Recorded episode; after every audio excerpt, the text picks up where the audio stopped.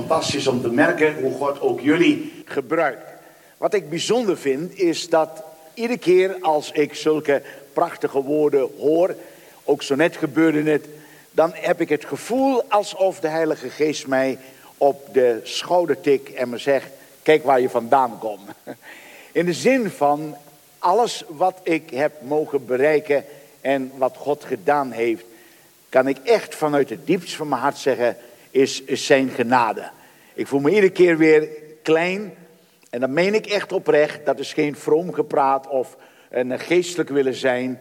Maar het mooie ervan is van wie je ook bent.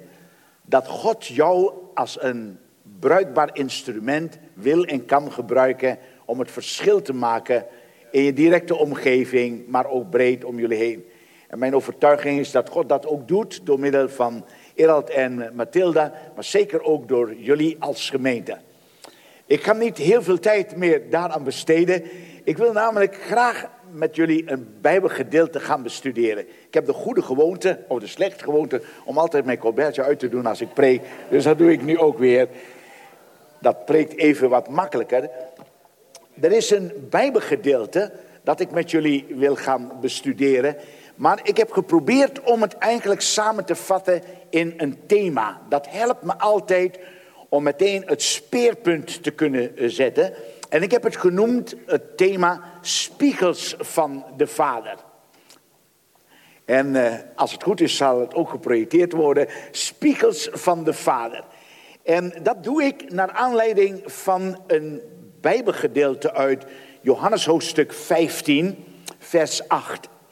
Daar staat geschreven, de grootheid van mijn vader zal zichtbaar worden wanneer jullie veel vrucht dragen en mijn leerlingen zijn. Als ik deze tekst met jullie vanmorgen zal bestuderen, dan zal ik proberen om het in de eerste plaats eerst te bekijken in zijn brede context. En misschien voor sommigen van jullie een moeilijk woord, maar de context is dus het brede Bijbelgedeelte van het Johannes-evangelie. Want als je een bepaalde tekst bestudeert vanuit het verband, dat is hetzelfde als context, waarin het naar ons toe komt, dan leer je namelijk de diepte en de rijkdom van zo'n tekst in de Bijbel veel krachtiger en veel mooier zien. En van daaruit zullen we uiteindelijk komen naar de smallere context, door met elkaar te kijken naar hoofdstuk 15 zelf. Waardoor je ziet in welk verband deze woorden onder andere door de Heer Jezus Christus worden uitgesproken. Als je het hebt over de grootheid van God, dan moet ik altijd denken aan wat ik een, eh, eh, een keer meemaakte. Dat ik uh, toen nog woonde in Suriname, dat ik op een, op een schitterende avond, dat ik buiten stond. En dat het leek alsof de hemel naar beneden kwam. Omdat het zo helder was. En al die sterren, die duizenden, die miljoenen sterren. Maar dat is heel lang geleden. En ik kan me herinneren, ik meen dat het vorig jaar was of twee jaar geleden, dat uh, ik op de televisie die programma's van professor Dijkgraaf, hele bekende wetenschapper, een Nederlander, volgde. En die ons meenam door zijn kennis en door de middelen die ze vandaag hebben naar het sterrenstelsel. En dan kom je tot de ontdekking dat er echt miljarden zonnestelsels zijn. Dus naarmate dat de wetenschap gevorderd is en, nog steeds vordert, merk je dat we alleen maar nog veel meer onder de indruk komen van Gods grootheid geopenbaard in de schepping. En dat is de reden waarom de psalmist reeds zegt, en de hemelen vertellen Gods eer en het uitspansel verkondigt het werk van zijn handen. Dus daarin raak je diep onder de indruk van Gods grootheid. Maar de psalmist zegt het ook van, nadat hij gesproken heeft over Gods openbaring van zijn grootheid in de schepping, dan komt hij bij het woord. En dan spreekt hij over de Bijbel, dat als je eenmaal inzicht krijgt in de Bijbel, wat voor veel mensen een gesloten boek is, dan weet ik niet hoe het jou vergaat vanaf het moment dat ik tot wedergeboorte ben gekomen en de Heilige Geest in mij is komen wonen, moet ik zeggen, raak ik alleen maar dieper en dieper onder de indruk daarvan. Niet om ermee te schermen, maar ik heb het voorrecht gehad om op verschillende universiteiten en, uh, theologie te studeren. En toen ik het voorrecht kreeg om onder andere ook de, de oorspronkelijke talen, zoals in het Oude Testament het Hebreeuws en in het Nieuwe Testament het Grieks te gaan ontdekken en te leren, moet ik zeggen, raakte ik nog meer gefascineerd. Want soms het bestuderen van een woord, en dat zal ik jullie zo meteen vanmorgen laten zien, dan merk je hoe ongelooflijk veel inhoud in zo'n woord zit. Wat soms door onze verschillende vertalingen niet mogelijk is om met één woord in het Nederlands bijvoorbeeld weer te kunnen geven. Dus Gods grootheid daarin. Nu, als je gaat naar het boek en naar de brief die Johannes schrijft, of beter het evangelie, dan laat Johannes vanaf het begin zien dat met het komen van Jezus naar deze wereld, wat we vaak noemen het kerstevangelie, dat hij zegt, daar wordt ten diepste centraal gesteld. En dat is wat ik ook in het eerste volgende punt noem, jongens. Namelijk het centrale thema van het Johannes-evangelie. Dat is de grootheid van de Vader. Probeer me te volgen. Als Johannes het evangelie bij ons wil brengen, in tegenstelling bijvoorbeeld tot Matthäus of tot, in tegenstelling tot Lucas of Marcus, dan doet hij het eigenlijk min of meer in een soort notendop. En dan verwoordt hij het zo in Johannes hoofdstuk 1 vers 14. Het woord is vlees geworden en heeft onder ons gewoond. En wij hebben zijn grootheid aanschouwd. Het woordje grootheid. De grootheid als van de enige geborene van de Vader. Dus met de geboorte van Jezus, met zijn menswording, laat God met alle eerbied gesproken zijn maximaal, bijna ongrijpbaar en ondefinieerbare grootheid zien in dat kleine kindje, dat babytje dat daar zo in Bethlehem geboren wordt, de Zoon van God, Jezus, jouw redder en mijn verlosser. Als Jezus begint met zijn openbare optreding, weet jullie nog wat het eerste wonder is dat hij deed? Water in wijn veranderd. En weet je wat er staat geschreven? Ik lees het met je, dat vind ik zo ongelooflijk mooi. Ook weer in het Johannesevangelie. Dan staat er geschreven, dit heeft Jezus in Cana in Galilea gedaan. En dan komt het als eerste wonderteken. Hij toonde zo zijn grootheid en zijn leerlingen geloofden in hem. Dus wat Jezus begint te doen als hij wonderen, krachten en tekenen verricht, dan gebruikt hij ze om min of meer een soort richtingwijzer te laten zijn van onderschat mij niet, denk niet klein van mij, ontdek mijn grootheid. Een tweede voorbeeld. Het moment dat Jezus bijvoorbeeld bij zijn vrienden komt, maar Martha en Maria, die zussen waren van Lazarus, en Lazarus is overleden, ligt al vier dagen in het graf. Dan staat er geschreven dat Jezus dan vraagt, waar ligt hij? En dan brengen ze hem naar het graf. En dan ziet hij de verslagenheid daardoor, daarvan, wat het teweeg gebracht heeft bij de zussen, maar ook bij de familie, vrienden en kennissen daar. En dan bidt Jezus tot de Vader en dan vraagt hij, rol de steen weg.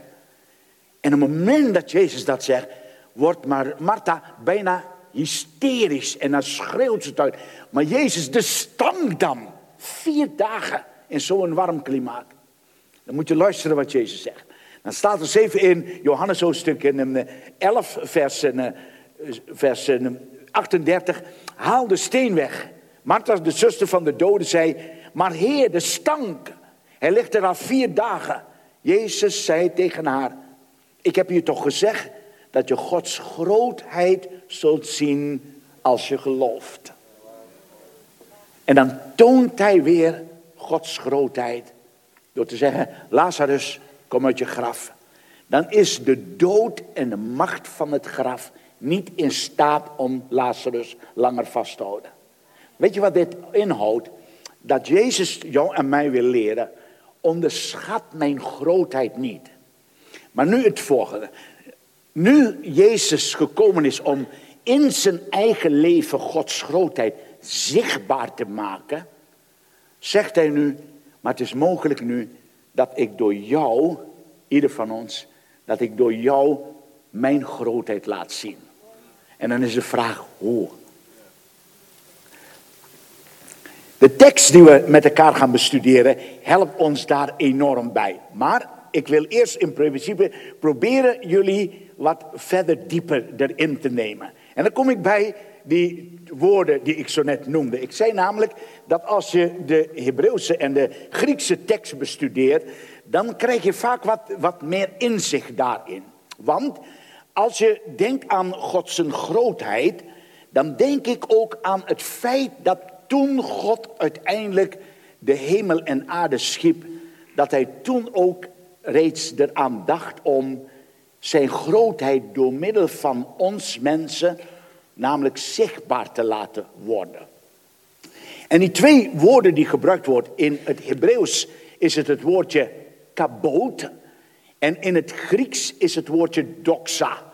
Dus als je de Griekse vertaling neemt van het Oude Testament en je zou het Hebreeuwse woordje kabot tegenkomen, dat vertaald wordt met grootheid, dan gebruikt de Griek daarvoor het woordje doxa. Dus het zijn twee woorden met precies dezelfde betekenis. Maar nu, naar de oorspronkelijke tekst. Het moment waarop de Hebreeër, de Jood, het woordje kabot gebruikt, dan laat hij ons, neemt hij ons terug naar wat dat woord ten diepste betekent. Letterlijk betekent zwaar zijn. Dat betekent het woordje kabot. Dus grootheid is zwaar zijn. Maar het wordt dan overgebracht in de overdrachtelijke zin. En dan wordt het uiteindelijk iemand zijn kaboot is iemand zijn gewichtigheid.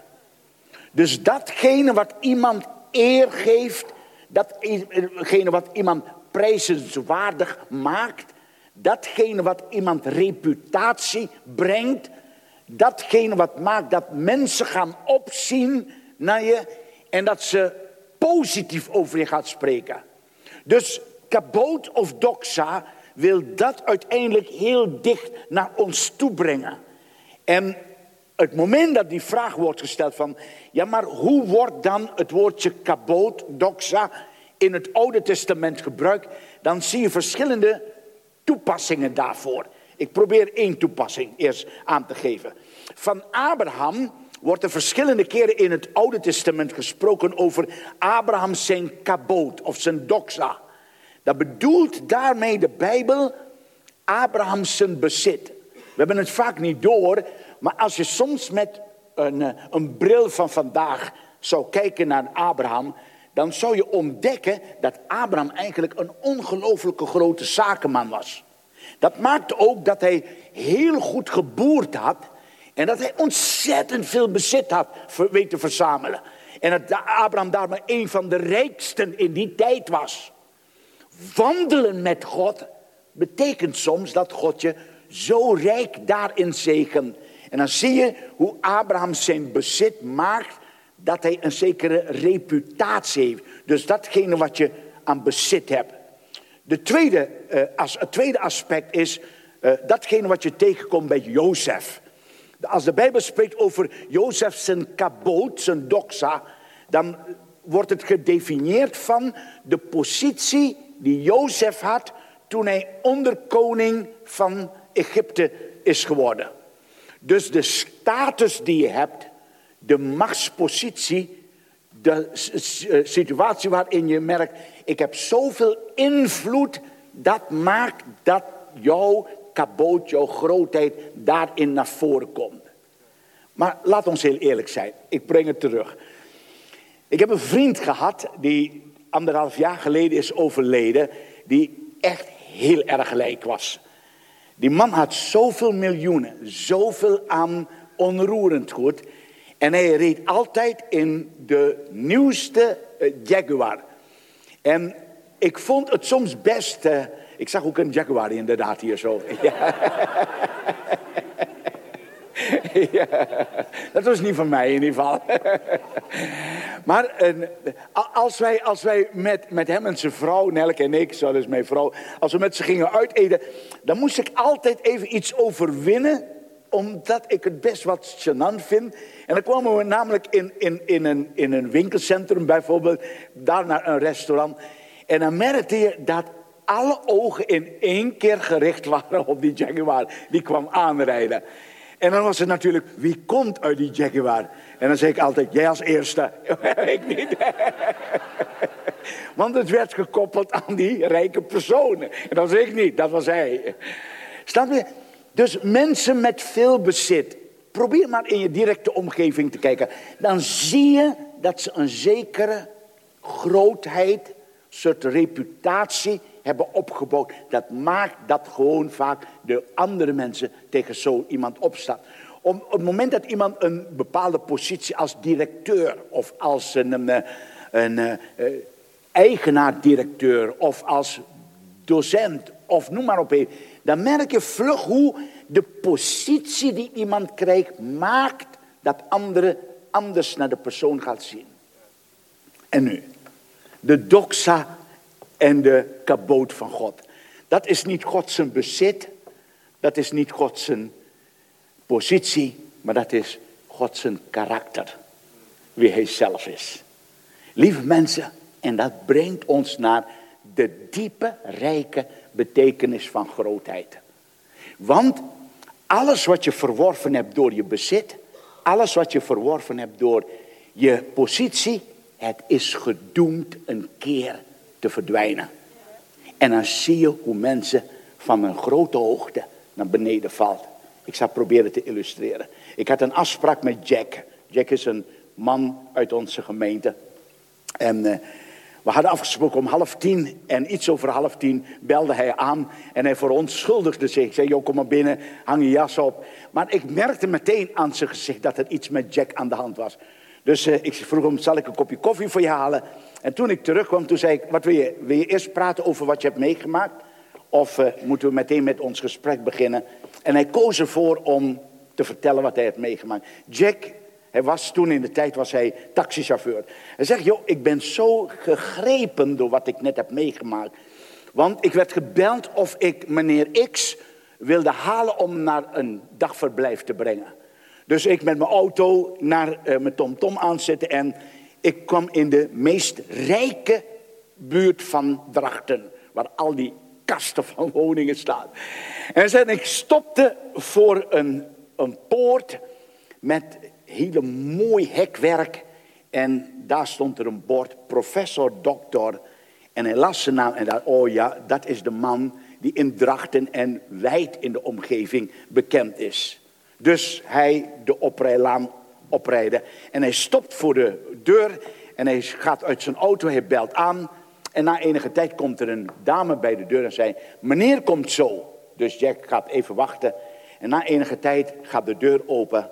En hij ziet die vrouw met een meneer in een rolstoel. En dat was die professor dokter. Want hij had net drie maanden daarvoor een hersenbloeding opgelopen. Hij was halfzijdig verlamd, kon niet meer praten. En zijn, zijn hoofd hing op zijn borst. En de slijm liep vanuit zijn, vanuit zijn mond op zijn kin en zo op zijn overhemd. En wilt u meneer brengen naar dat verblijf. Deze man die zoveel gepresteerd had. Deze man die zoveel bereikt had. Deze man die een ongelooflijke grote reputatie was. Door één hersenbloeding is het allemaal weg. De vraag is, waar leen jij je identiteit aan? Waar leen jij je identiteit aan? En dan vind ik het geweldig, want als de Bijbel ons spreekt over onze grootheid, dan zegt God, zoek het niet in wat je kunt bereiken. Zoek het ook niet in je positie. Zoek het niet in je bezit. Maar laat je identiteit gelegen zijn in wie jij bent in Jezus zoals God jou gemaakt heeft. Kijk maar even naar die tekst uit Genesis. In Genesis hoofdstuk 1, een geweldige tekst natuurlijk. Dan staat er geschreven in Genesis hoofdstuk 1, vers 26 en vers 27, die prachtige woorden, dat we naar Gods gelijkenis, naar zijn evenbeeld zijn gemaakt. En de Bijbel noemt het zo om jou en mij te laten zien dat God ons, juist onze diepe waarde heeft laten vinden in het feit dat we op Hem mogen lijken. Maar omdat we dat zijn kwijtgeraakt, ben je gedoemd om je identiteit.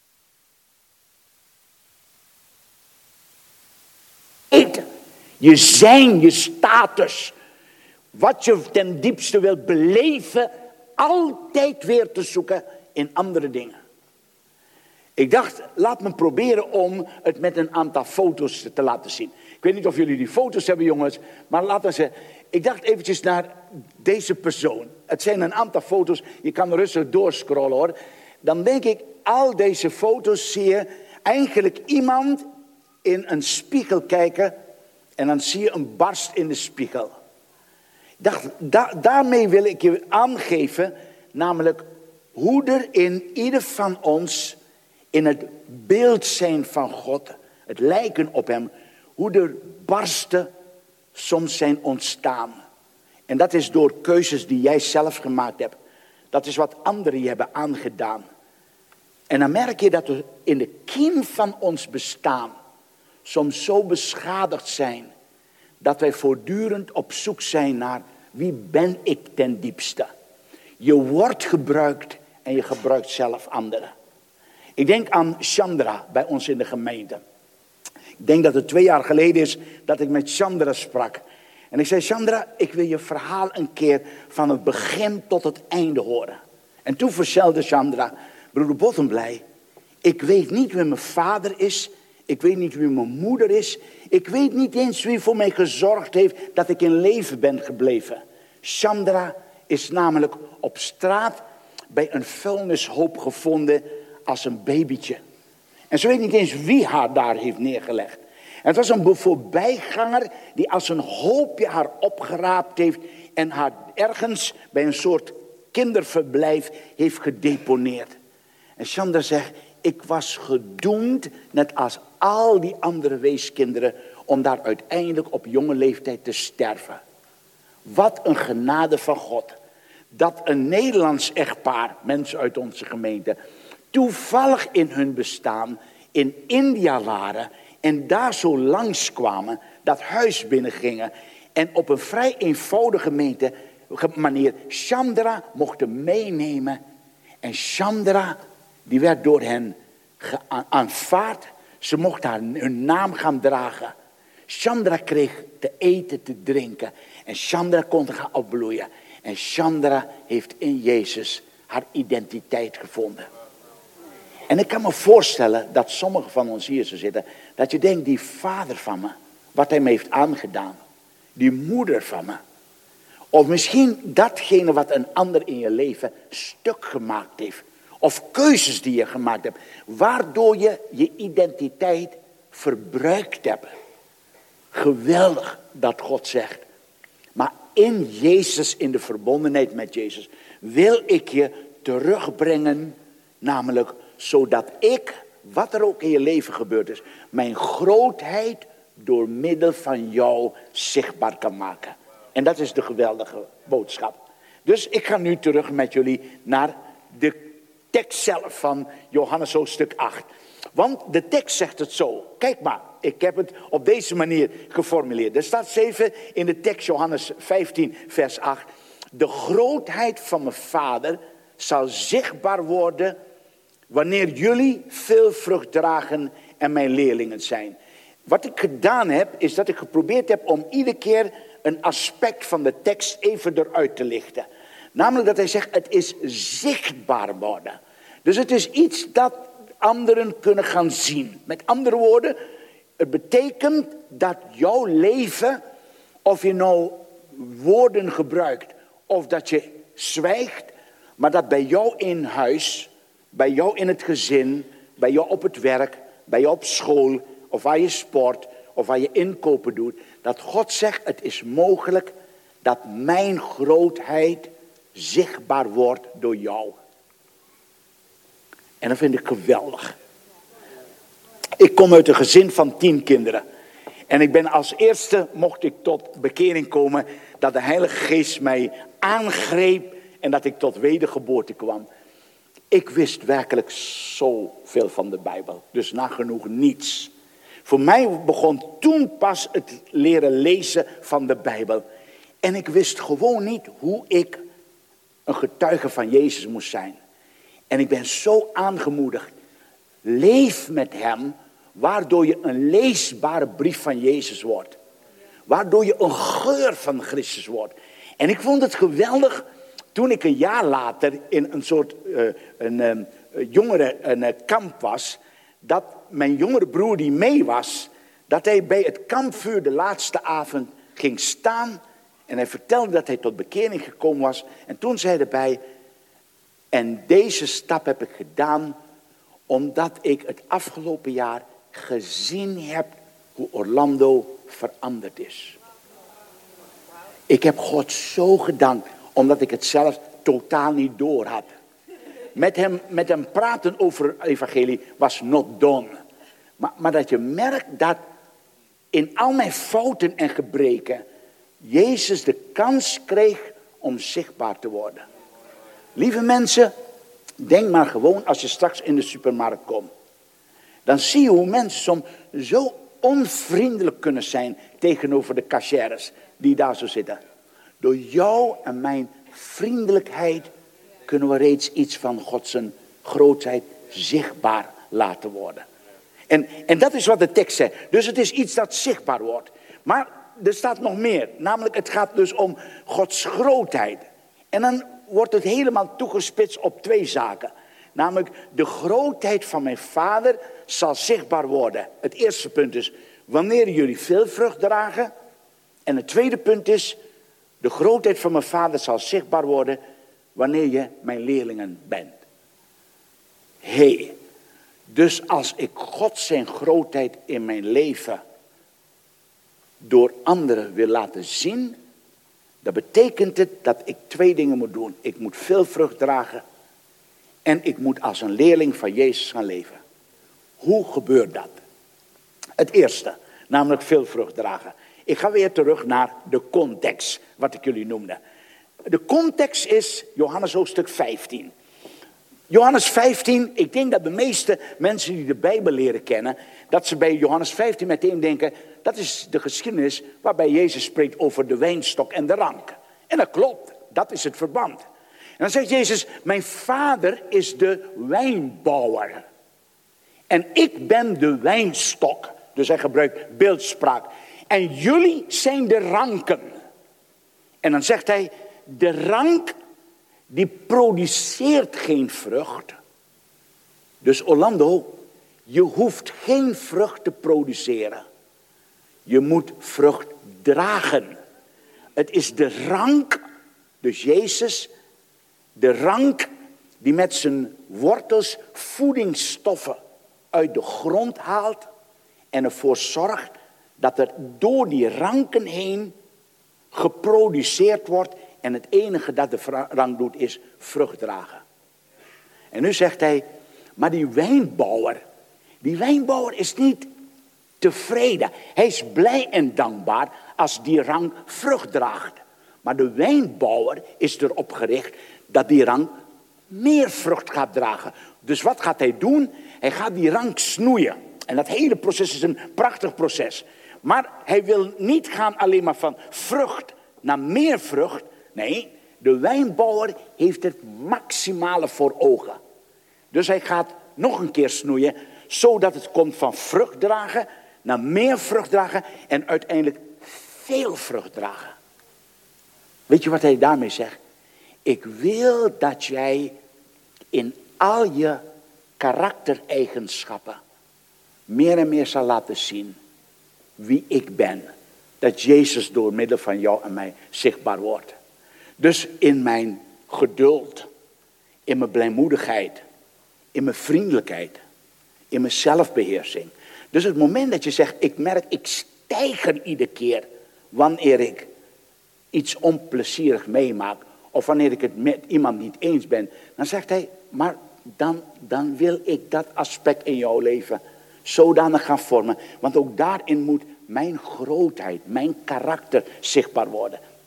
Toen wij binnen onze gemeente in Drachten nog een hele kleine gemeente waren, toen dacht ik, maar dit is het geheim. Dit is het geheim. Hoe kunnen we dit gaan formuleren?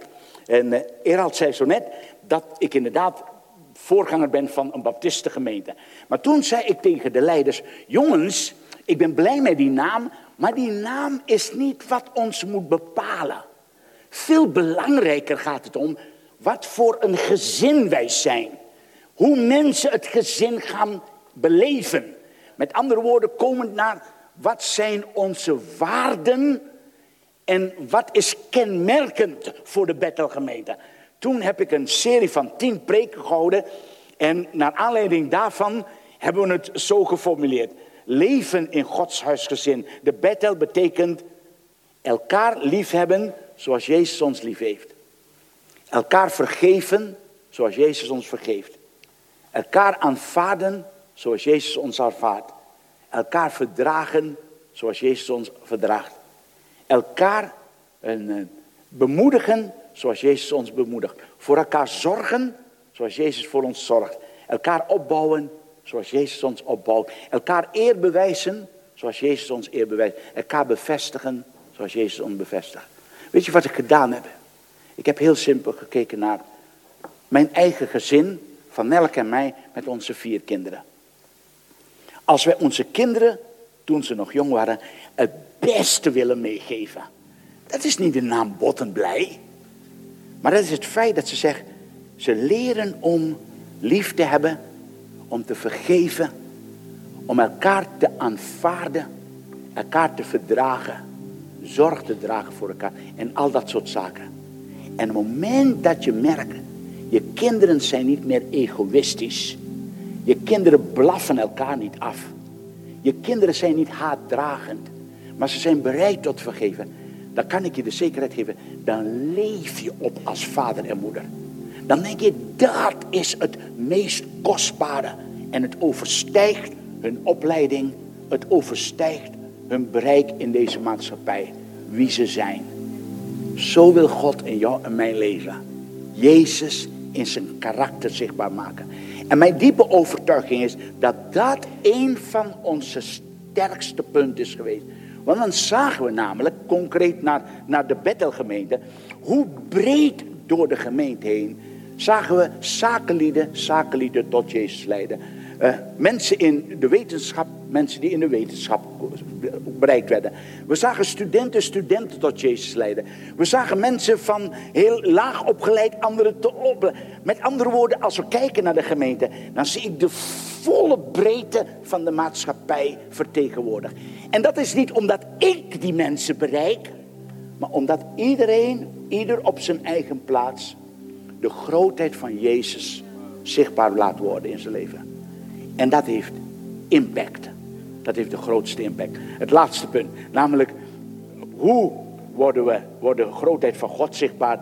In de eerste plaats door veel vrucht te dragen. En in de tweede plaats dat we zijn discipelen zullen zijn. Er staat een prachtig Bijbelgedeelte. Misschien dat we dat Bijbelgedeelte kunnen, kunnen lezen met elkaar. Het is een gedeelte uit in, uh, Lucas. In Lucas, dan verwoordt Lucas het op een fantastische manier. Grote mensenmenigte trokken met Jezus mee. Hij wendde zich tot hen en zei: Wie mij volgt, maar niet breekt met zijn vader en moeder en vrouw en kinderen en broers en zussen, ja, zelfs met zijn eigen leven. Er komt een refrein: Kan mijn leerling niet zijn. Wie niet zijn kruis draagt en mij en mij op mijn weg volgt, dan komt het weer, kan niet mijn leerling zijn. Zo geldt ook voor jullie. Wie geen afstand doet van al, wat, al zijn bezittingen, kan mijn leerling niet zijn. Het raakte me diep, want het betekende dat jij en ik, dat we nog meer Gods grootheid zichtbaar zullen laten worden. Naar de mate dat Jezus werkelijk de aller, allereerste plaats in je leven heeft je geld. Het is niet iets dat aantrekkelijk is in Nederland. Maar de vraag zal zijn, jongens, ben jij bereid om Gods grootheid in je leven te laten zien? Door te zeggen, Heer, u zegent mij met een minimumloon. U zegent mij met een modaal inkomen. U zegent mij met tweemaal modaal. Maar God voor mij is discipelschap dat ik leer om minstens een tiende van wat u me geeft. Of het nou minimum, modaal of twee modaal is om aan u te geven. En ik zie hoe gelovigen zo graag Jezus zichtbaar willen laten worden. Maar niet als het gaat om een beurs. Niet als het gaat om een portemonnee.